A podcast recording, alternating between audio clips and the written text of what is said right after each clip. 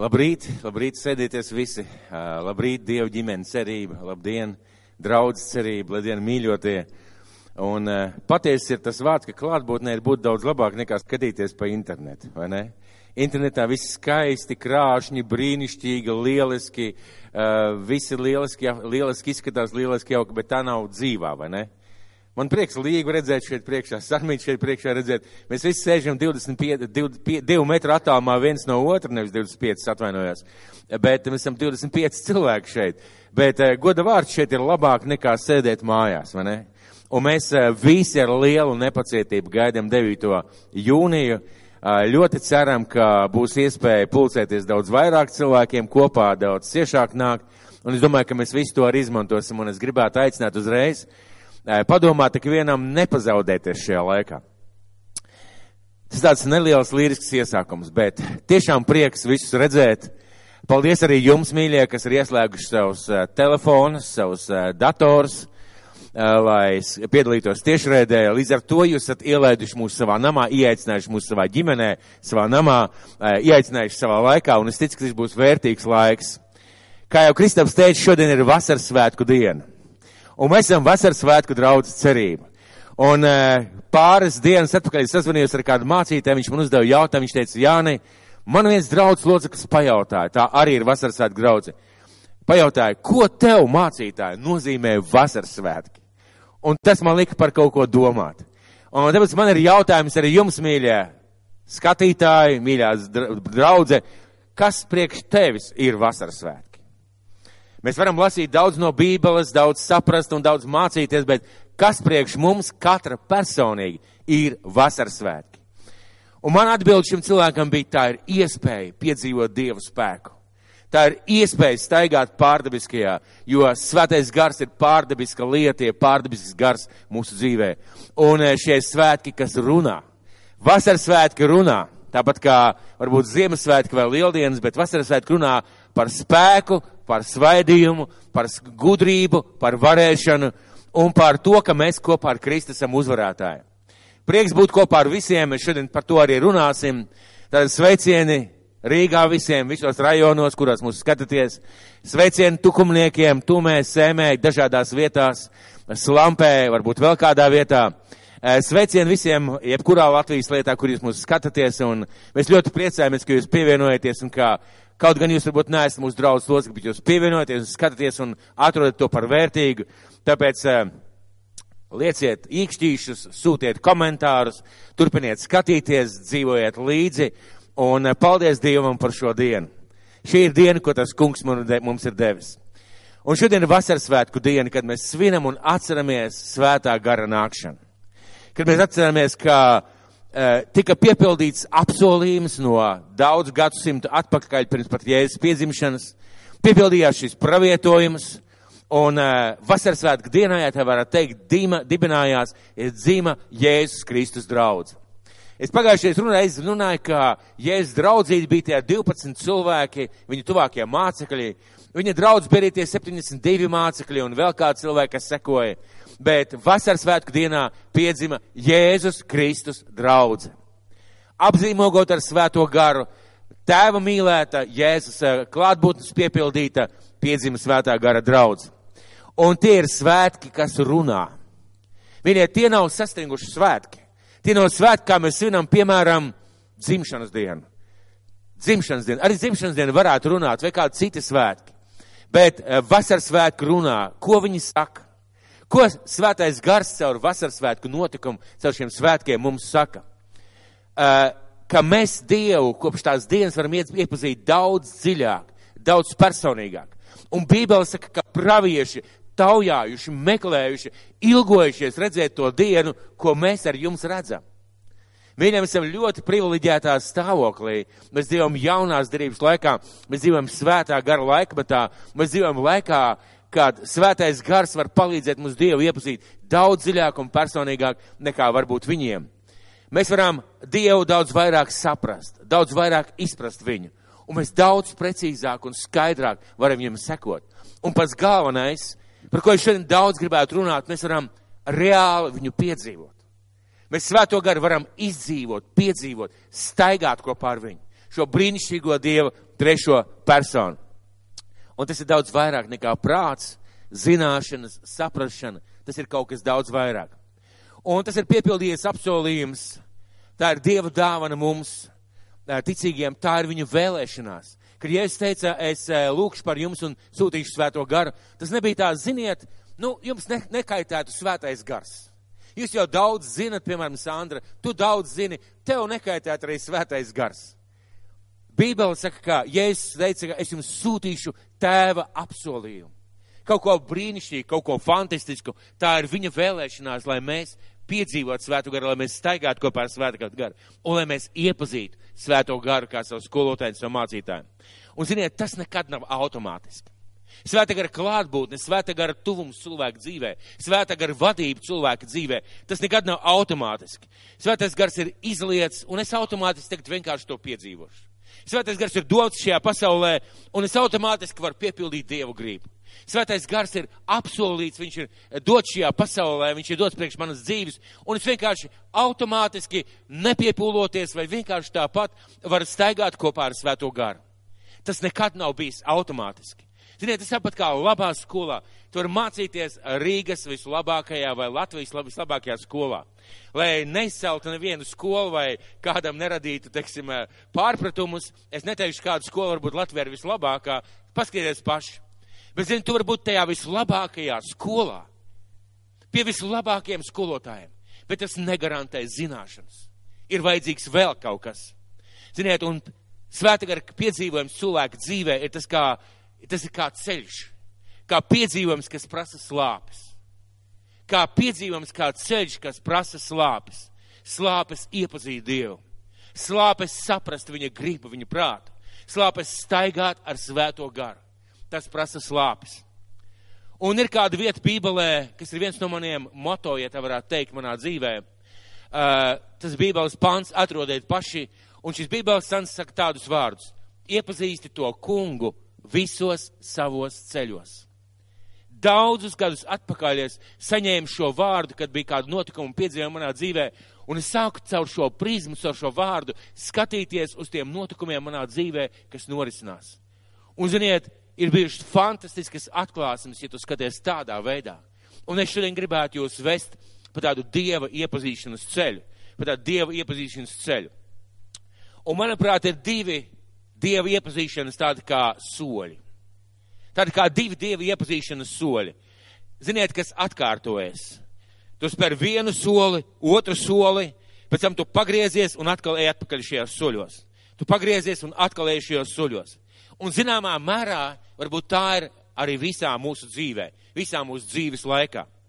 Pirmais solis ir, un abi divi soļi ir svarīgi, ļoti svarīgi. Abi divi ir ļoti svarīgi un ir ļoti atkarīgs, vai mēs speram šo soļu savā dzīvē. Un pirmais solis ir Dieva iepazīšana klasē. Klasē, stundā. Kad tu sēdi mājās, kad tu lasi Bībeli, kad tu pārdomā, kad tu lūdz, kad tu studē Dievu vārdu, kad, kad tu pavadi savu laiku pie Jēzus kājām. Tas ir kā klasē. Kā klasē, kad tu Dievu iepazīsti, varbūt zināmā mērā teorētiski, varētu teikt pat praktiski caur Dievu vārdu, lai caur to laiku kopā ar viņu. Bet ir otrs solis, otrs solis iepazīt Dievu staigājot kopā ar Dievu. Staigājot kopā ar Svēto garu. Uh, kalpojot Dievam, tas ir otrs solis. Un uh, būt tajā aicinājumā, kuru Dievs tev ir devis. Būt tajā vietā, tajos apstākļos, kur, caur kuriem Dievs tev ved, un kad es, es kopā ar Svēto garu, tu daudz vairāk viņu iepazīsti praktiski.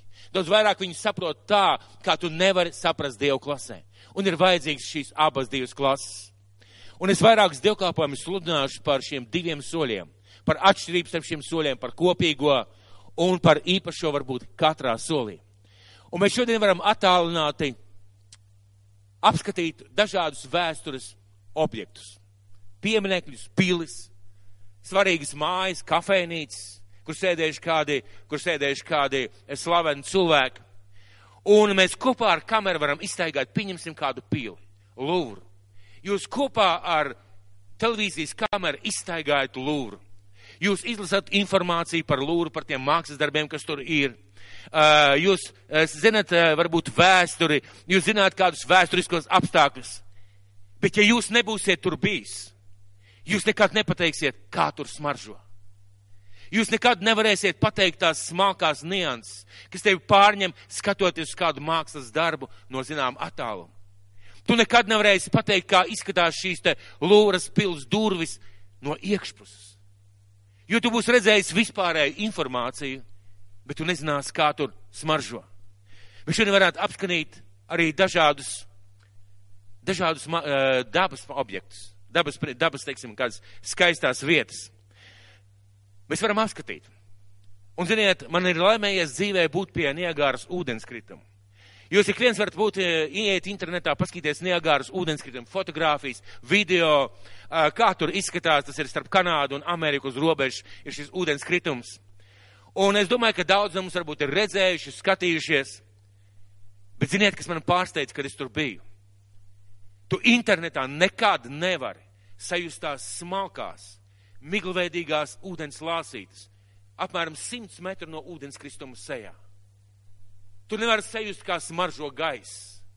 Tu nevari dzirdēt, ar kādām sajūtām cilvēks skatās un apbrīvo šo objektu. Tu vari zināt, ka cilvēki ar mucām mēģinājuši nolaisties no ūdenskrituma, no Niegāras ūdenskrituma, bijuši tādi drosminieki, kas mēģinājuši to pagājušos gadsimtos un daudzus pārķēra, bija kādi, kas tika līdz ūdenskritumam un visi ir gājuši bojā, neviens nav izdzīvojis. Bet skatoties pie šī ūdenskrituma, milzīgā ūdenskrituma, tā nenormāli lielā ūdens blāķa, kas nāk lejā ar dunoņu, ar rēkoņu, tu saproti, cik tas ir neiespējami. Tu vari zināt, bet tur stāvot, tu vari saprast, cik tas ir neiespējami. Es minēju šos vēsturiskos, eh, vēsturiskās vietas. Es kādreiz daudz gadus atpakaļ biju Rundāls pilī, un mana pirmā profesija, jeb galvenā profesija ir galvnieks. Un eh, mēs taisījām smalkas, ko griezam mēbeles, dažādas, dažādas interesantas lietas mēs taisījām. Bet, kas bija šajā te Rundāls pilī, mani vienkārši pārsteidza.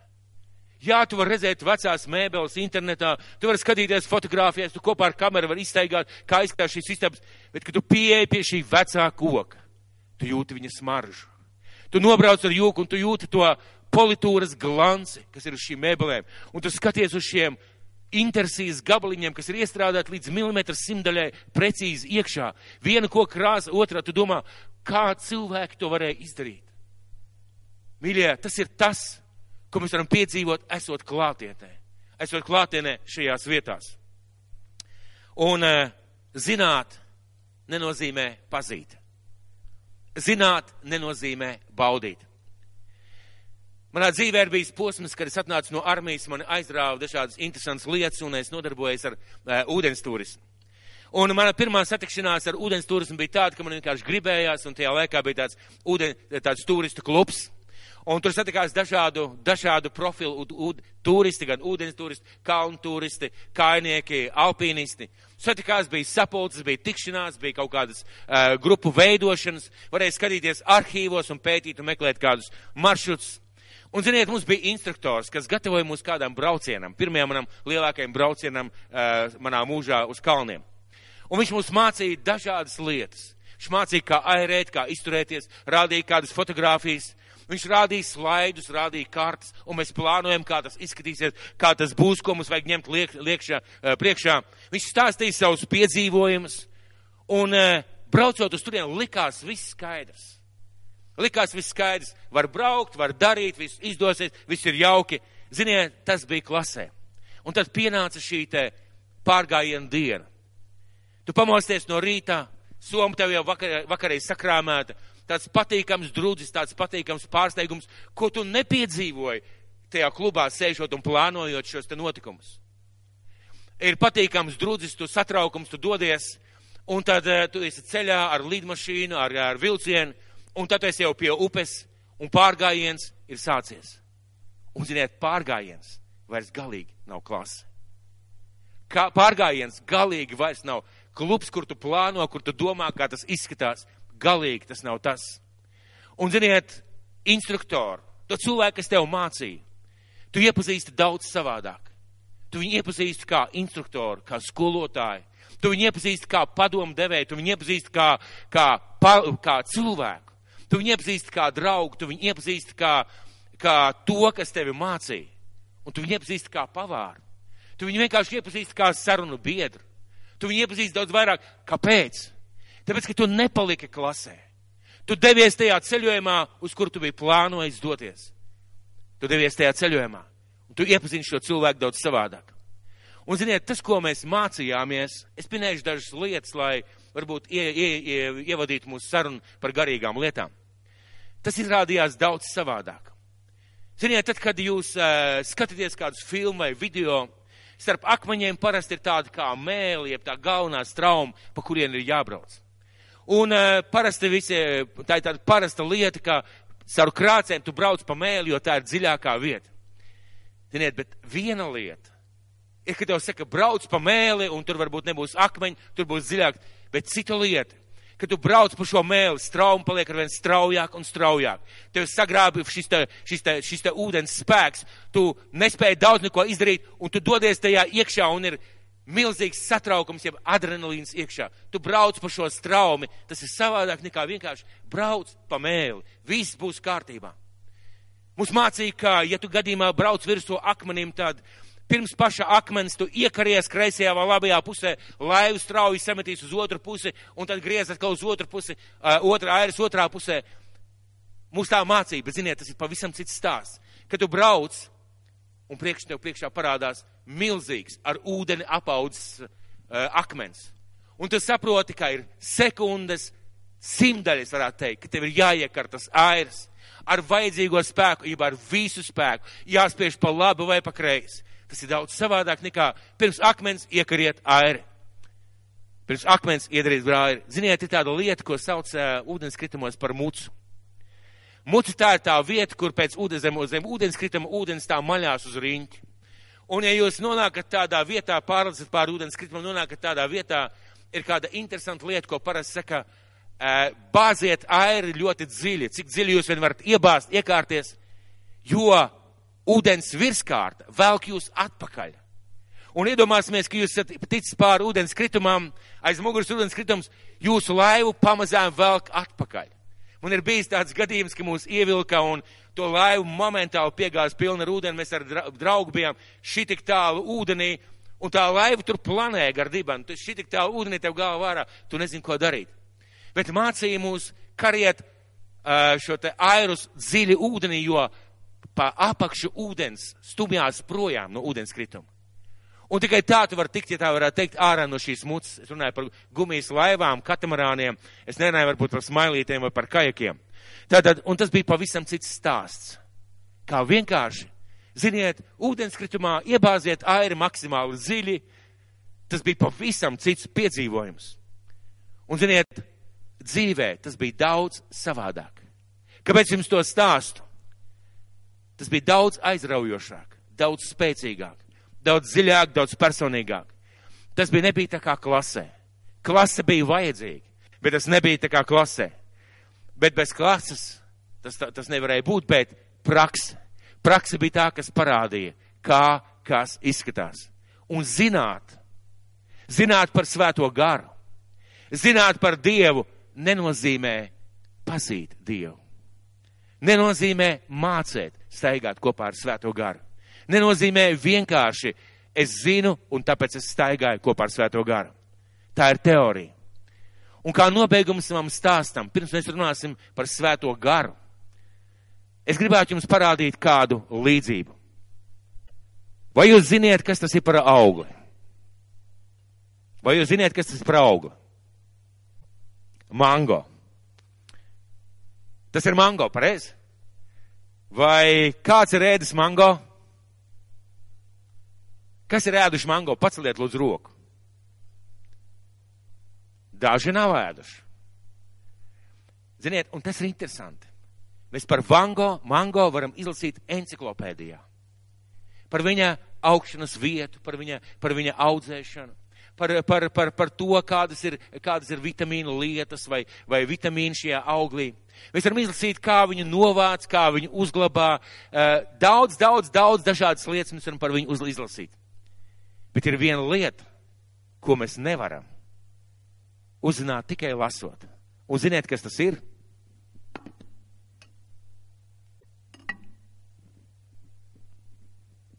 kā mango smaržo.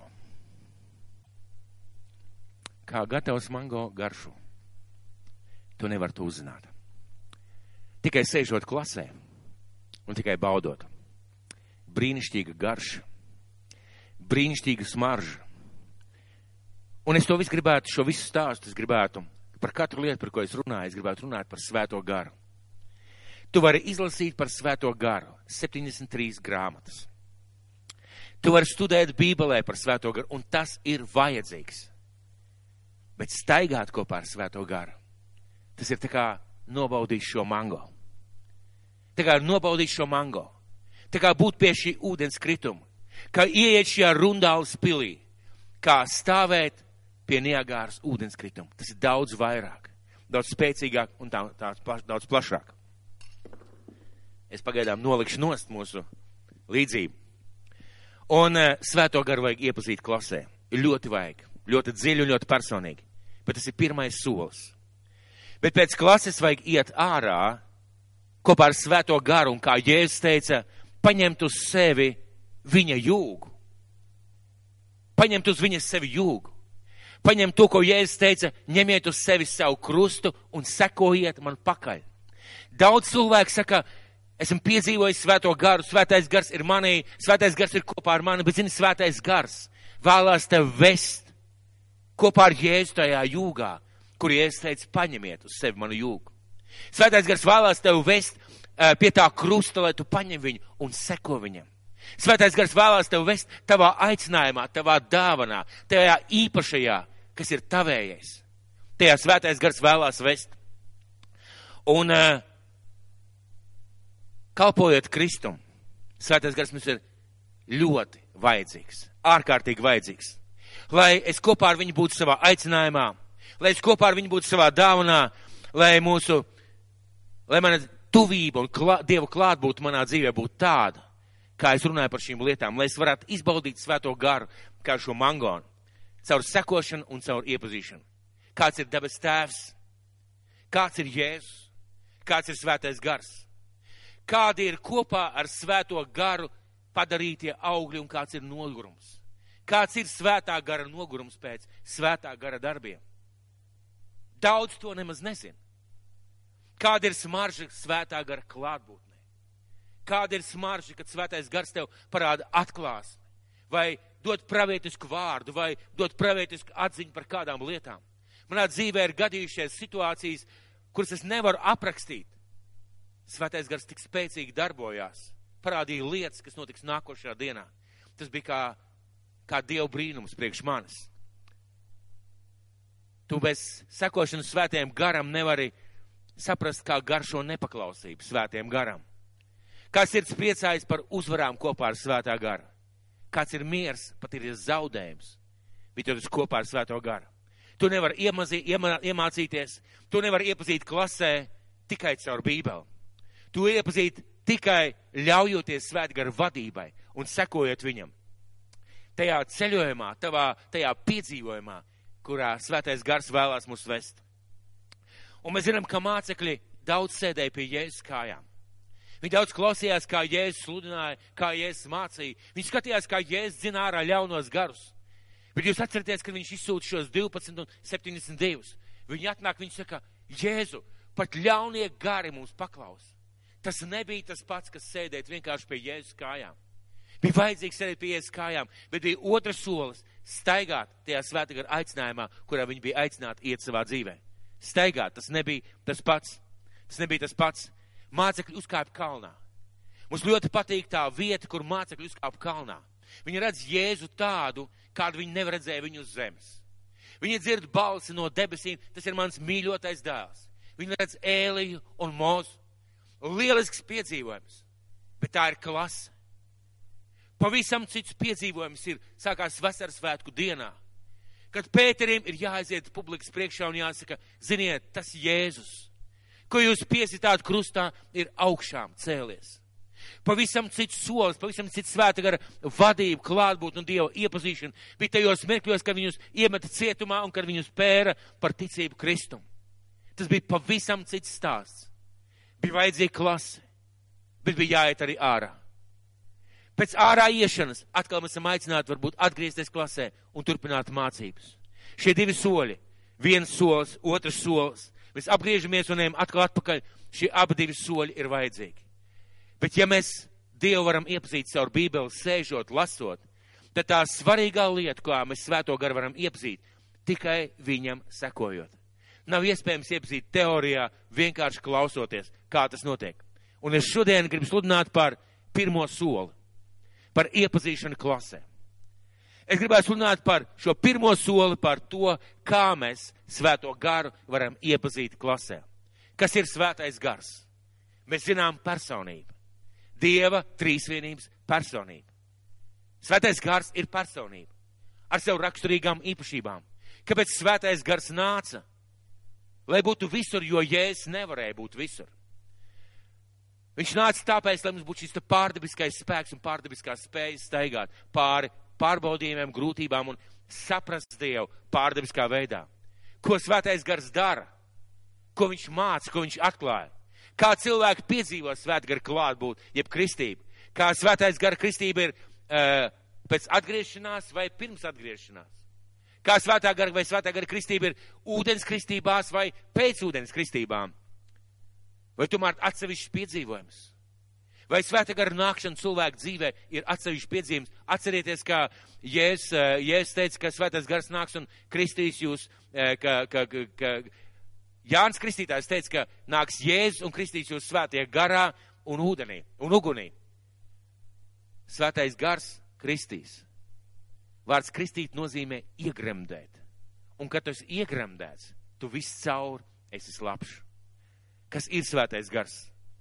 Kas mums to var atklāt? Kas mums to var pateikt? Tikai Bībele. Šīs klases mācības mums var dot tikai Bībele, svētie raksti. Un sāksim ar Lūkas evaņģēlīju 24. nodaļu, 44. līdz 53. pants. 44. līdz 53. pants. Uh, mēs zinām, ka Jēzus ir jau augšām cēlies, viņš runā saviem mācekļiem, viņš tikko parādījies ēdis medu un, un zivi, un viņi viņam pieskārušies.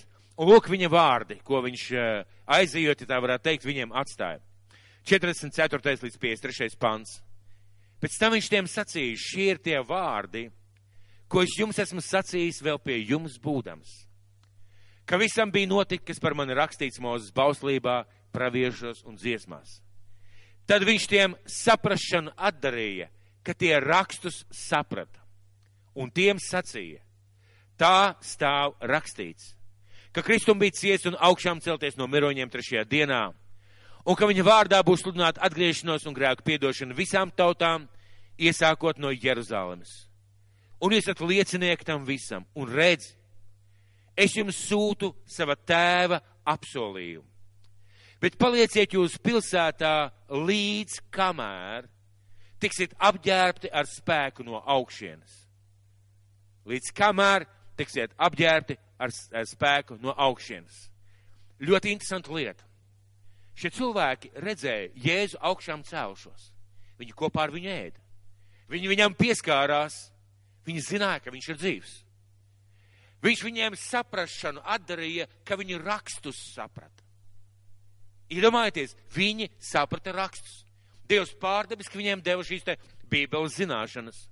Viņiem bija ticība Jēzum kā Dievu dēlam, jo viņi zināja, ka viņš ir miris un ka viņš cēlies augšā.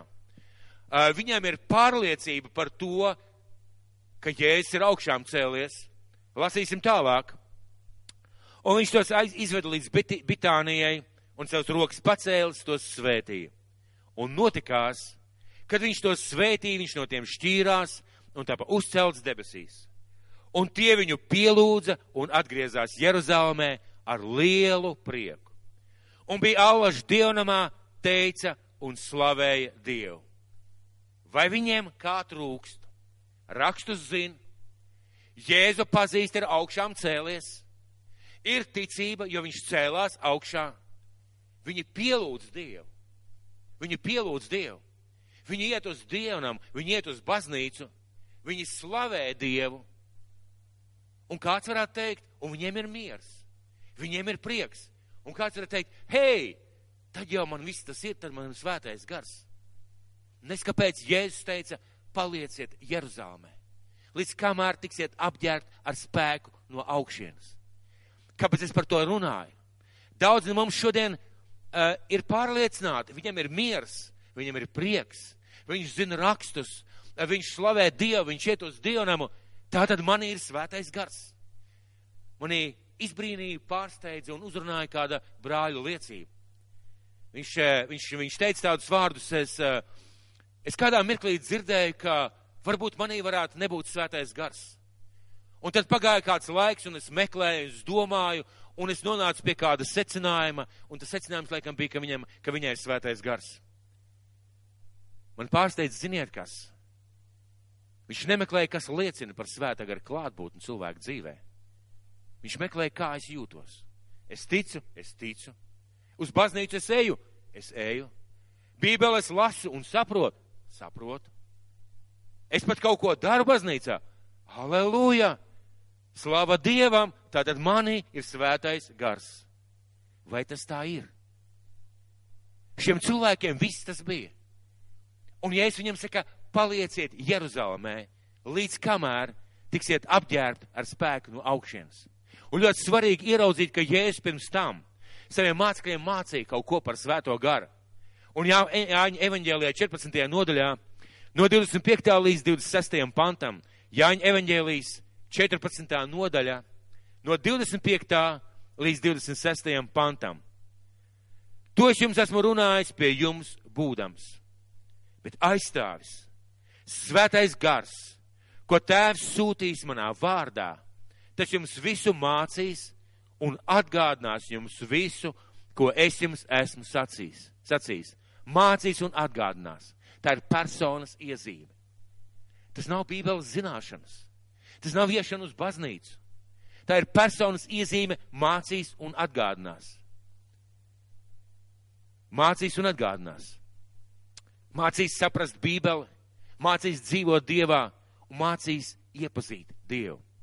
Un e, Jāņa evaņģēlijas 16. nodaļa, 7. un pēc tam 12. un 14. pants.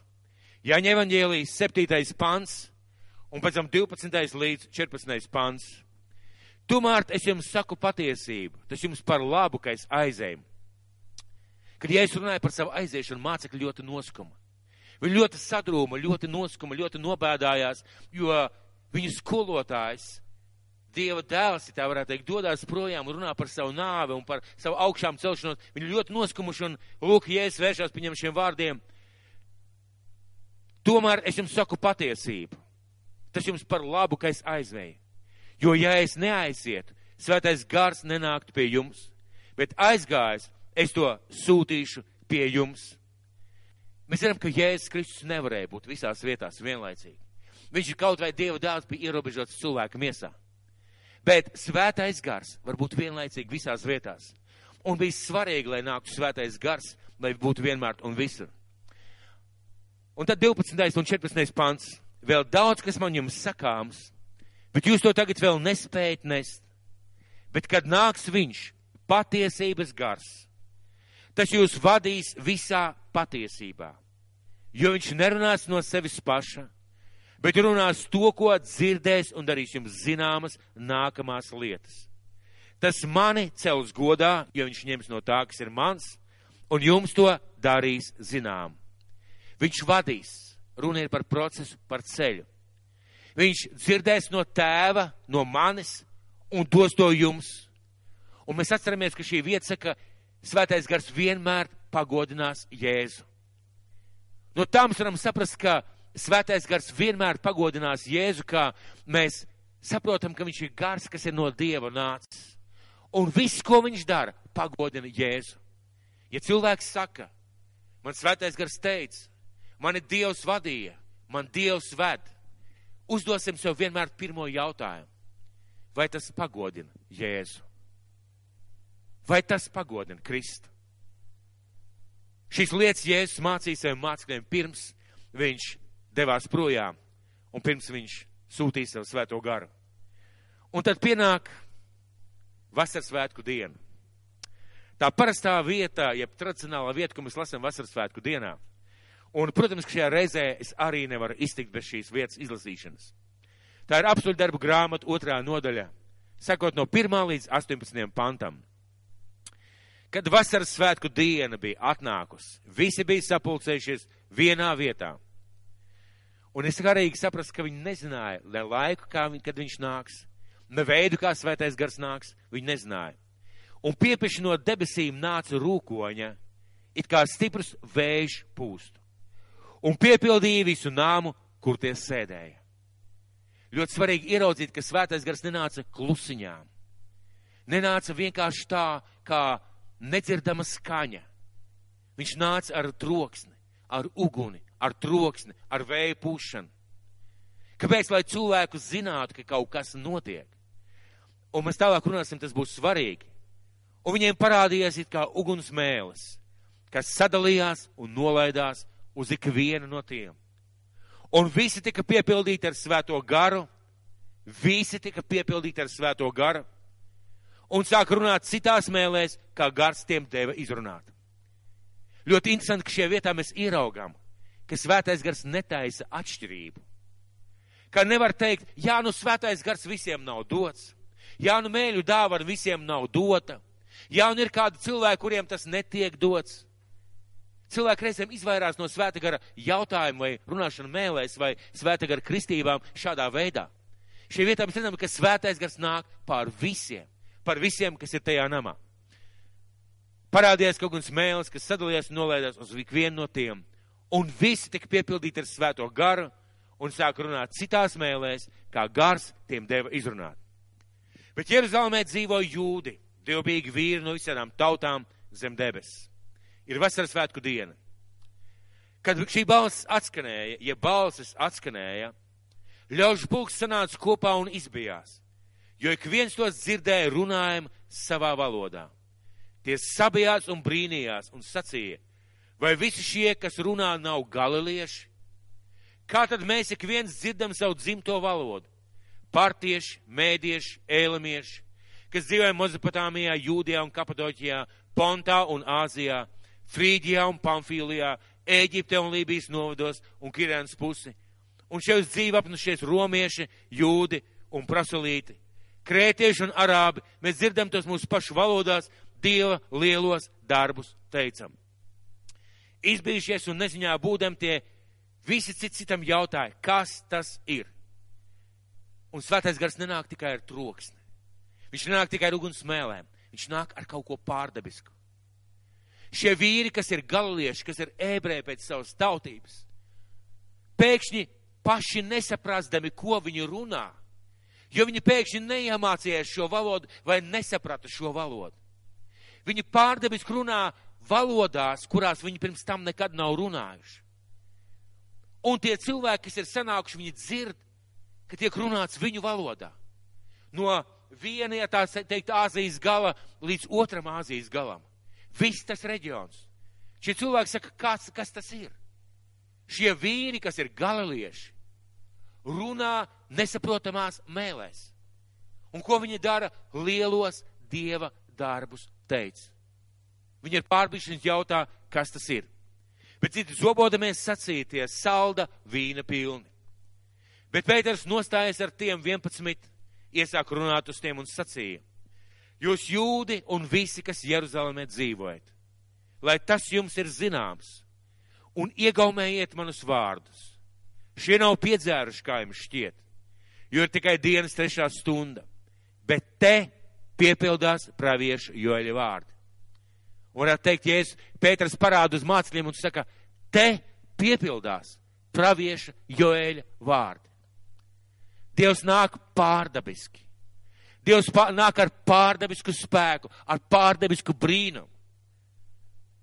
Te piepildās praviešu joēļa vārdi. Tas notiks pēdējās dienās, saka Dievs. Es izliešu no savu gāru pār visu miesu, un jūsu dēlu un jūsu meitas pravietos. Jūsu jaunekļi redzēs parādības, jūsu sirmgalis ap to sapņus, un arī par saviem kalpiem un saviem kalponiem tad dienās izliešu no savu gara, un tie sludinās praviešu mēlēm. Un tie sludinās praviešu mēlēm. Un reizēm cilvēki saka šajā vietā. Viņi runāja saprotamā valodā. Ja viņi runāja šajā vietā saprotamā valodā, bet paši viņi nesaprata. Cilvēks pats nesaprot to, ko viņš runā. Kad svētais gars nāk pār cilvēku, cilvēks pats var nesaprast, ko viņš runā šajās mēlēs. Un ir diva veida mēlis, kas liecina par svētā gara nākšanu cilvēku dzīvē. Par svētā gara kristību cilvēku dzīvē. Saprotamas mēlis un nesaprotamas mēlis. Un ļoti bieži šīs abas mēlis nav saprotamas pašam runātājam. Un kāds teiks, kā tā var būt? Tā var būt. Teoloģija un Bībele parāda divu veidu mēlis, bet vienmēr ir zīme. Ziniet, kāpēc es to saku? Jo vēlns grib nozakt šo brīnišķīgo dievu dāvanu. Viņš staigā pa draudzēm un māca tajā mirklī, kad tu kristījies Jēzus vārdā. Svētā gara kristība tu jau piedzīvoji. Tev neko nevajag vairs meklēt, tev ne pēc kā vairs nevajag ilgoties. Kāds cits māca tajā mirklī, kad tu atdevi savu dzīvi Kristum un kad tu noticēji, ka tu piedzīvoji jaunatgriešanos. Svētais gars jau tajā mirklī nāca pār tevi. Svētais gars bija klāt esošs. Kā Jēzus teica saviem mācekļiem, svētais gars ir pie jums. Un es ticu, viņš varētu, varēja būt, ka iztaisīja pauzi. Un tad viņš teica, un mājos jūsos. Ir milzīga starpība. Ir pie tevis vai mājo tevi. Un mēs runājam par svētā gara nākšanu, ja par svētā gara kristību. Divu veidu mēls. Es kā tagad atceros to fantastisko sprediķu, ko mums teica brālis Kijā no Zviedrijas. Pazīšot šo dievbijīgo, miermīlīgo, tiešām dieva cilvēku, kurš ir ļoti cienījumos gados. Man neradās ne mazāk šaubas par to, ko viņš sludināja. Un zinot, ko viņš teica, viņš ir kristīts svētajā garā, viņš runā mēlēs. Viņš stāstīja par kādu konferenci Vernamā draudzē. Piemēram, tūkstoši cilvēku draudzē, e, dievkalpojums, bija sabraukši ciemiņi, viesi, bija kādi sludinātāji. Un viņš sēdēja, un, un viņš stāsta mums šeit no skatu, viņš teica, es sēžu zālē un jūtu nepārvaram vēlēšanos celties kājās un runāt mēlēs. Un viņš kā kārtīgs zviedru cilvēks, kas ciena kārtību, kas mīl kārtību, kas ievēro kārtību, viņš stāstīja, ka viņš cīnījās ar sevi. Bet tad viņš piecēlās un uh, sludina mēlēs, runā mēlēs, viņš pats neko nesaprot. Viņš runā kādu mirkli un apsēžās, viņš saka, es nosarku kā biete. Ak, šausmas, ko es izdarīju? Es apkaunoju sevi, apkaunoju visu savu draugu. Varbūt neviens nesatraucās, dievkalpojums šīs konferences beidzās, un pienāk pie viņa kāda sieviete. Un spāņu valodā, kaut kādā basku akcentā viņu uzrunā. Viņš saka viņai angliski, es nesaprotu. Un šī sieviete saka, ko? Kā tu nesaproti? Tu tikko visu izstāstīji par manu dzīvi. Lūk, tas ir tas, ko sauc par svētā gar kristību un runāšanu mēlēs. Un ir otra mēlis, par kurām mēs tagad runāsim, te, šīs te nesaprotamās, nesaprotamās mēlis ne mums, ne cilvēkiem, tikai Dievam. Ja, protams, nav mēļu tulkotājiem. Un, ziniet, šie ir citi cilvēki.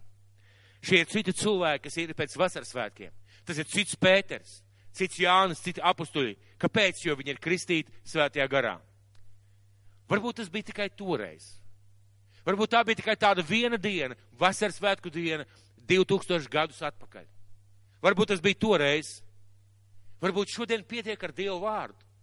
Varbūt šodien pietiek ar to, ka mums ir bībeles mājās, daudzas bībeles, dažādās valodās, dažādos tūkojumos. Varbūt man pietiek šodien tikai ar dievkalpojumu. Varbūt man pietiek ar mājas grupu. Varbūt man pietiek ar manu lūkšanu istabu. Bet Pēters turpina. Un Pēters šajā apstuļdarbu grāmatā viņš turpina sludināt, viņš sludina par, par Jēzus Kristu krustā sisto. Un viņš sludina par to, ka jūs viņu piesitāt krustā to, ko Dievs bija izredzējis. Un uh, mēs nonākam pamazām pie, pamazām mēs nonākam pie otrās nodaļas 37. līdz, 3, līdz 40. pantam. Viņi klausās, viņi dzird un uh, Pētera vārdi aizskar šo cilvēkus. Un rakstīts tā, šie vārdi sāpīgi ķēra viņu sirdis. Un tie sacīja uz Pēteru un citiem apustuļiem. Brāļi, ko lai mēs darām? Bet Pēters tiem atbildēja, atgriezieties no grēkiem un liecieties kristīties ik viens Jēzus Kristus vārdā. Lai jūs dabūtu grēku piedošanu un saņemtu svētā gara dāvanu. Jo šis solījums dots jums un jūsu bērniem un visiem, kas vēl ir tālu, ko tas kungs, mūsu dievs, pieaicinās. Un šeit iet runa par četrām lietām. Atgriešanās no grēkiem, jaunpiedzimšana. Par jaunpiedzimšanu. Šeit tiek runāts, jūs saņemsiet jaunpiedzimšanu. Jūs saņemsiet grēku piedošanu. Jūs liksieties kristīties un jūs saņemsiet svēto garu. Un jūs saņemsiet svēto garu. Vai mēs esam tie, kas ir iekļauts šajos vārdos, un vēl, un visiem, kas vēl ir tālu, kur tas kungs mūsu dievs pieaicinās? Mēs esam iekļauts šajos vārdos, un visi, kas vēl ir tālu, kur tas kungs mūsu dievs pieaicinās. Un tas attiecās uz grēku nožēlu, uz jaunpiedzimšanu. Tas attiecās uz grēku piedošanu. Tas attiecās uz kristībām, uz iešanu uz draudzi. Un tas attiecās, mīļie, skatītāji un draudzi, arī uz mums, uz svētā gara kristību. Tas attiecās arī uz mums, uz svētā gara kristību. Ko tas kungs mūsu dievs pieaicinās. Bet varbūt tikai tajā dienā, varbūt tikai apustuļu laikā, bet varbūt kādreiz nākotnē. Varbūt šis laiks, kad svētīga kristība nav vajadzīga, vai mēs piedzīvojam vienkārši tā garām ejot draudzē, kristoties, eh, pieņemot Kristu savā dzīvē. Varbūt tas notiks kādreiz, kad tad gan Dievs izlies no sava gara, un tad gan Dievs kristīs ar svēto garu, tad gan cilvēku runās mēlēs, tad gan notiks zīmes un brīnums.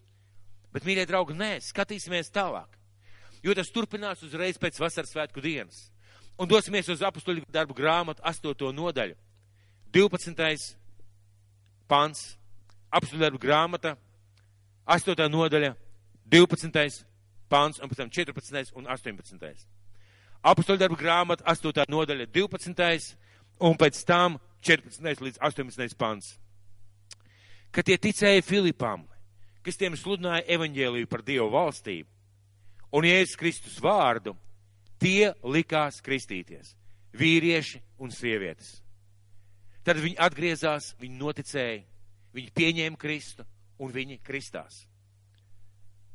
Bet apustuļi Jeruzālē no 14. panta dzirdējuši, ka Samarija pieņēmis Dievu vārdu, sūtīja pie tiem Pēteri un Jāni, kas tur lūdza, kas tur nonākuši lūdza par viņiem Dievu, lai tie saņemtu svēto garu.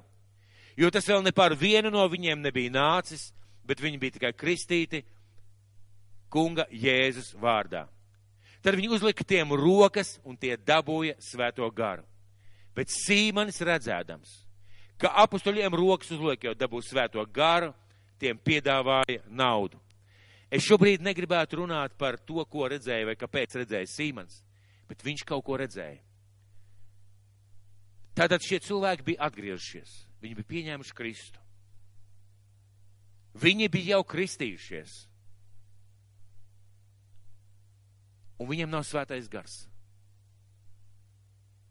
Un viņiem nav svētā gara kristības. Bet ir laiks pa vidu. Viņi ir atgriežies, viņi iet uz draudzi, viņi tic uz Kristu. Un kamēr Pēteris, Pēteris uh, un Jānis aiziet uz uh, Samariju, ir laiks. Un šajā laikā viņi nav kristīti ar svēto garu. Un tas nozīmē, ka mācība par to, ka ūdens kristību laikā tu saņem svēto garu, izgāžās, ja tā varat teikt, ar visām eņģēm. Jo viņam bija viss, kas bija vajadzīgs, vienīgi svētais gars nebija. Pēters ir jāna atnāk, uzliek rokas, lūdz par viņiem, roku uzlikšana nozīmē lūkšana par viņiem, un viņi dabūs svēto garu. Ja nebūtu bijuši ārēju izpausmi vai kaut kādu izmaiņu, vai kaut kādu lietu, kas notiek, šis sīmanis nekad nebūtu piedāvājis naudu. Neviens nemaksā naudu vienkārši par tukšu gaisu. Viņš redzēja, ka šo, šie, šie cilvēki izmainās, bija kāda ārēja zīme, kāda ārēja liecība par to, ka šie cilvēki ir piedzīvojuši svēto garu. Tātad svēta gara kristība nenāk ar ūdens kristībām. Un, ja mīļais draugs, tev kāds ir teicis, tajā mirklī, kad tu kristījies, tu piedzīvoji svēto gara kristību, ar tevi viss ir kārtībā. Tā nav taisnība. Tā nav taisnība. Svētgara kristība ir atsevišķs notikums, kas notiek arī šo cilvēku dzīvē. Lasīsim tālāk. Apstuļu darbu grāmata, desmitā nodaļa. 44. līdz 48. pants. Un stāsts ir par pagānu, pagānu atgriešanos. Tātad eh, šie cilvēki uh, bija dievbijīgi, viņi mīlēja Dievu, viņiem nebija atklāsmes par Jēzu. Un Dievs dod Pēterim atklāsmi, nolaižot šo palagu no griestiem, rādot dažādus dzīvniekus. Un Kornēli, pie Kornēla atnāk eņģels, saka, sūta pēc Pētera. Pēters visu tev pastāstīs, ko vajadzētu darīt. Un Pēters aiziet uz šo namu, uz šo pagānu namu, pie šī te Romas, Romas, Romas teiksim, cilvēka, un viņš sludina evaņģēlī par Jēzu Kristu. Un kas notiek? Tātad apstuļu darba grāmata, desmitā nodaļa, 44. pants. Pēterim vēl runājot, svētais gars nāca par visiem, kas šos vārdus dzirdēja un ticīgie jūdi, kas Pēterim bija līdzi, izbijās, ka svēta gar dāvana bija izlieta arī pār pagāniem, jo viņi tos dzirdēja mēlēs runājam un Dievu teicam. Jo viņi tos dzirdēja mēlēs runājam un Dievu teicam. Tad Pēters atbildēja, kas gan varētu liekt ūdeni šo ļaužu kristīšanai, kas dabūjuši svēto garu tāpat kā mēs, un viņš pavēlēja tos kristīt Jēzus Kristus vārdā, tad tie lūdza, lai viņš dažas dienas pie tiem paliek. Mēs šeit redzam, ka šie cilvēki piedzīvo svētīgu kristību, pirms ir kristīti. Es pats personīgi esmu kristīts svēto garu, pirms es biju kristīts. Un kad es aizgāju pie mācītāja un teicu, ka Dievs devis man svēta gara dāvanu, runāšanu mēlēs, viņš teica, nu, ko tur vairs mācīt, ko tur vairs darīt? Nu, jādomā par ūdens kristībām. Bija novembris, bija ziema, bet bija brīnišķīgs laiks. Tātad šī, šī, šī vieta mums runā par to, ka kristības un šī atgriešanās, atgriešanās mirklis un svēta gardāva nav viens un tas pats. Tas nav viens un tas pats. Kristības un atgriešanās pie Dieva nav viens un tas pats. Svēta gara kristība un atgriešanās pie Dieva un kristības nav viens un tas pats. Svētā gara dāvana ir kaut kas īpašs, kaut kas atsevišķs. Un dosimies tālāk uz 19. nodaļu apziņu darba grāmatu 19. nodaļa no 1. līdz 7. pantam. Kamēr Apols bija Korintā, Pāvils pārsteigāja augstienas apvidus, nonāca Efezā un sastapis dažus mācekļus. Viņš tiem sacīja, vai jūs dabūjāt svēto garu, kad jūs kļuvāt ticīgi? Viņš neapšauba, ka viņi ir ticīgi. Viņš neapšauba, ka viņi tic Kristum. Tie viņam atbildēja, mēs pat neesam dzirdējuši, ka svētais gars ir. Viņš jautāja, ar kādu kristību jūs esat kristīti? Tie atbildēja ar Jāņa kristību. Bet Pāvils sacīja, Jānis kristīja ar grēku nožēlas kristību ļaudīm sacīdams, lai tie tic tam, kas nākšot pēc viņa. Tas ir Jēzum. To dzirdējuši, viņi tika kristīti kungi Jēzus vārdā. Kad Pāvils uzlika tiem rokas, svētais gars nāca par tiem, tie runāja mēlēs un pravietoja. Mēs varam ieraudzīt, ka ne atgriešanās mirklī šie cilvēki jau bija ticīgi. Šie cilvēki jau bija ticīgi. Un viņi nebija pat dzirdējuši par svēto garu. Viņi jau bija atgriežušies. Ne pie ūdens kristībām, kā mēs lasījām iepriekšējā vietā, svētais gars nāca par šiem cilvēkiem. Bet tad, kad, pā, kad, kad, kad, kad Pāvils uzlika viņiem rokas un lūdz par svētā gara kristībām, tad šie cilvēki tiek kristīti svētajā garā un uh, tie runā mēlēs un tie pravieto. Tas nozīmē, ka arī šī vieta rāda par to, ka ūdens kristības atgriešanās mirks nav tas pats, kas svēta gara kristības. Tas nav viens un tas pats. Tas nav viens un tas pats. Un ir laiks pa vidu. Ir laiks pa vidu, kad šie cilvēki pavada bez svēta gara. Šie cilvēki nebija dzirdējuši pat par svēto garu. Viņi nebija pat dzirdējuši. Daudz no mums nav dzirdējuši par svēto garu. Daudzi ekrānā no, par, no mums nav dzirdējuši par svēto garu. Varbūt tavā draudzē tev saka, zini, tavā, tad, kad tu piedzīvoji Jēzu Kristu, kad tu viņam noticēji, tajā mirklī tavā dzīvē ienāca svētais gars. Tas tā nav. Kādā citā vietā saka, tad, kad tu tika kristīts, tajā mirklī svētais gars nāca par tevi. Tas tā nav. Šīs divas vietas parāda.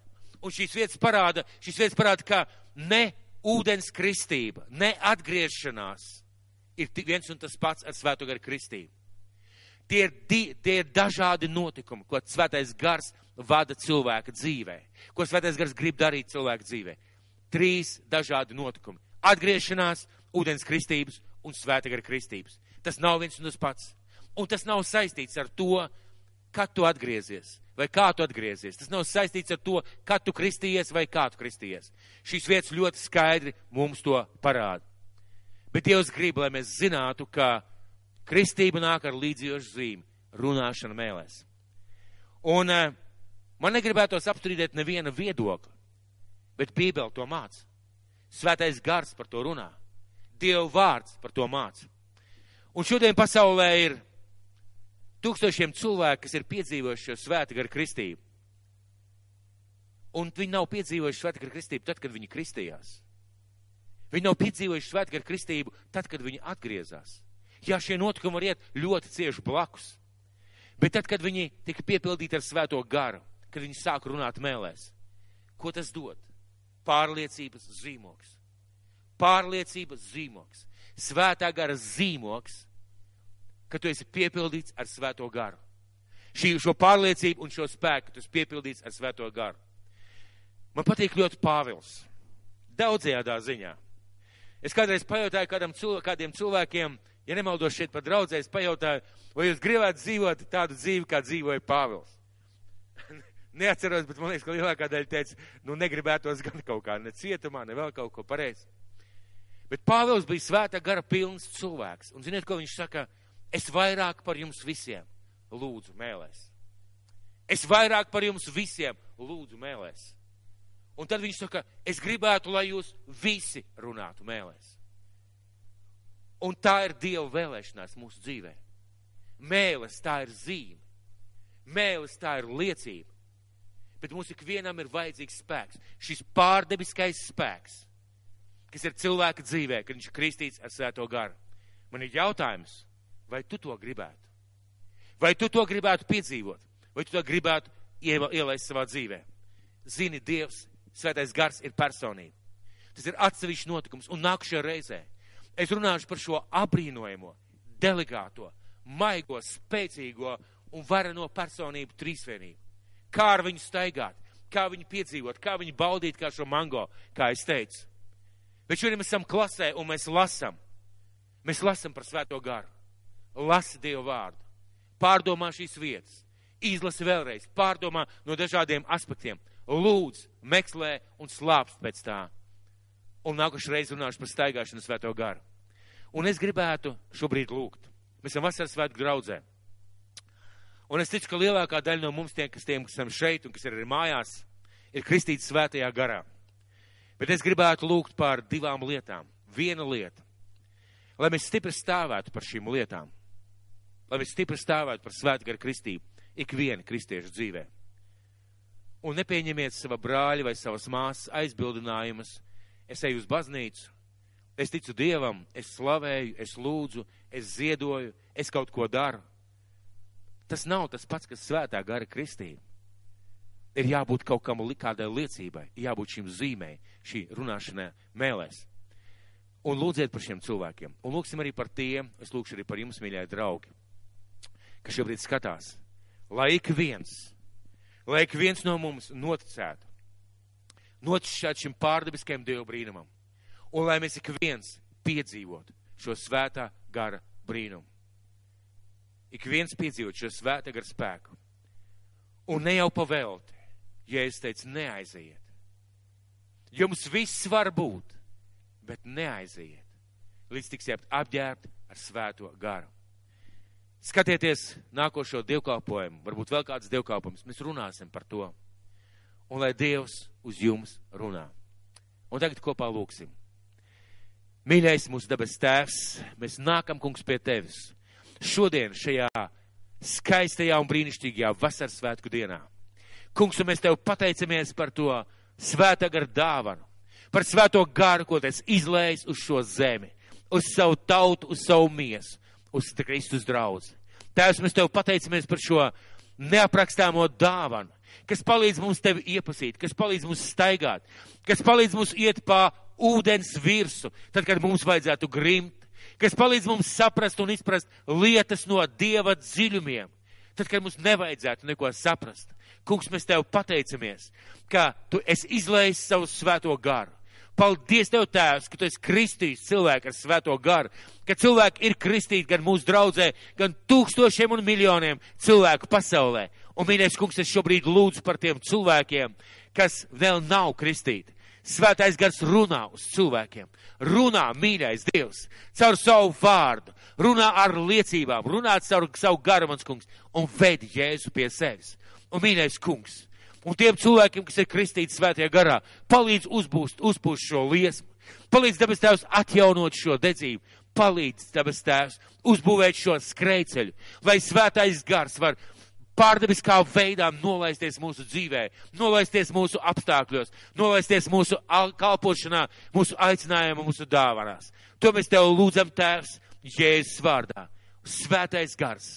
Mēs lūdzam, vadi mūs, veido mūs, māci mūs, piepildi mūs, atmasko mūs, stiprina mūs, iepriecina mūs un svētī mūs. To mēs tev lūdzam, Tēvs, šajā dienā. Jēzus Kristus vārdā. Āmen!